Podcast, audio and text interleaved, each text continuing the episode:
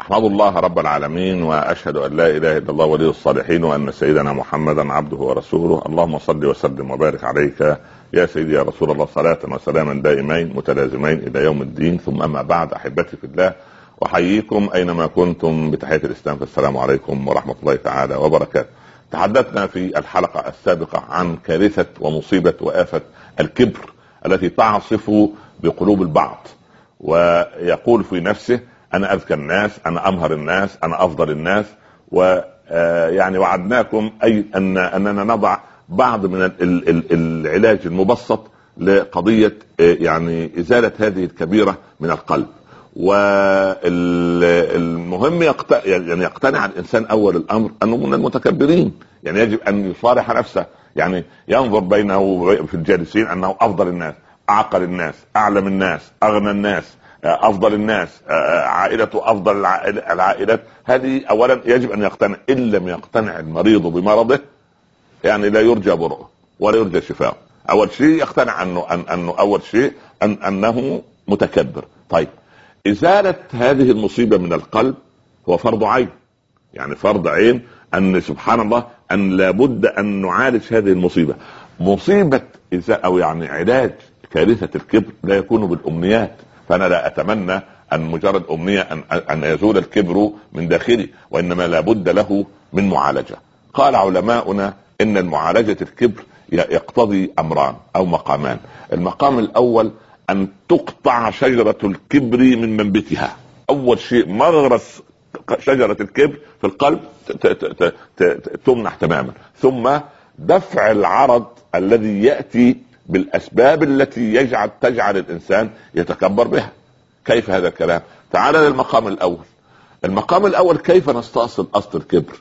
اولا في طريقة يعني مسألة علمية ومسألة عملية لا يتم الشفاء إلا بمجموعهما. لابد لابد اولا المسألة العلمية أعلم من نفسي أن الله سبحانه وتعالى هو الذي رزقني وهو الذي يعني يعطيني وهو الذي يمنحني ولا بد أن عند إزالة هذا الكبر من القلب أنه لا يعينني فيها إلا رب العباد عز وجل.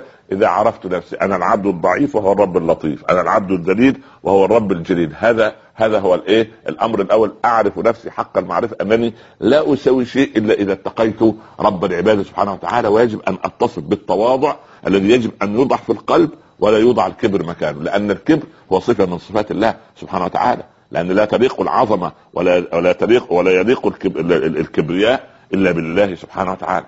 هذا هو الإيه؟ الأمر الأول أن الكبرياء لا يليق بك أيها العبد وإنما يليق بالخالق سبحانه. المقام الثاني دفع العرض. إيه العرض؟ الأسباب التي يعني قيلت في قضية اللي ذكرناها في قضية الكبر. اولا سبحان الله العظيم يعني اولا الإنسان عندما يتكبر أنه عبارة عن إنسان جاهل لأنه يستشعر لنفسه أو يعطي لنفسه ما لا يجب أن يكون. يعني لا يجب أن يكون أن هذا متكبر. ف...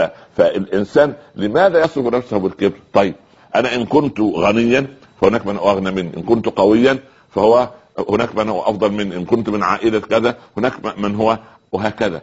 فالإنسان لما ينظر إلى يعني كيفية تواضع النبي صلى الله عليه وسلم وأن الإنسان لما بعض الناس يفخر يفخر بآبائه ويفخر بأجداده ويفخر سبحان الله ولكن ولكن الإنسان يعني يعني من الواجب ألا يفخر إلا داخلا يعني إلا بمعيته لله سبحانه وتعالى بنسبه الحقيقي أنه عبد لرب العباد عز وجل أنه عبد لله وأن هذا هذه العبودية هي أرقى مراقب الوصول إلى رب العباد سبحانه وتعالى. ثم تقول في نفسك الذي رزقني المال هو الله والذي أعطاني الجاه هو الله والذي أعطاني هذا العز هو الله والذي أوجدني في هذه العائلة وفي هذه الدولة هو الله عز وجل. اذا الله سبحانه وتعالى من عرف رب العباد عز وجل عندئذ وعرف وعرف نسب نفسه لعبوديته لله وأنه خلق من خلق الله وأنه مخلوق من طين تنتنه عرقة وتقلقه بقة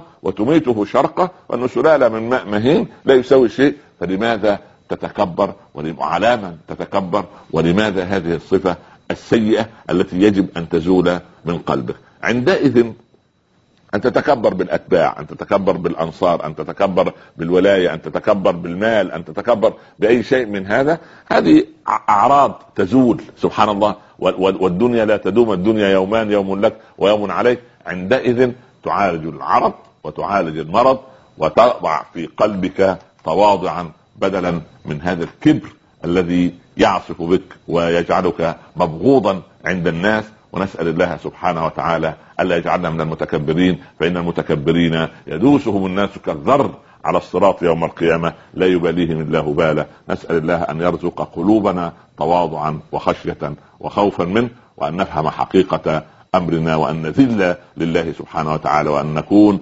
أعزة على الكافرين أذلة على المؤمنين إن ربي على ما يشاء قدير. تقبل الله منا ومنكم وأبعد عنا وعنكم كل الصفات المذمومة وأولها الكبر. إن ربي على ما يشاء قدير. والسلام عليكم ورحمة الله تعالى وبركاته.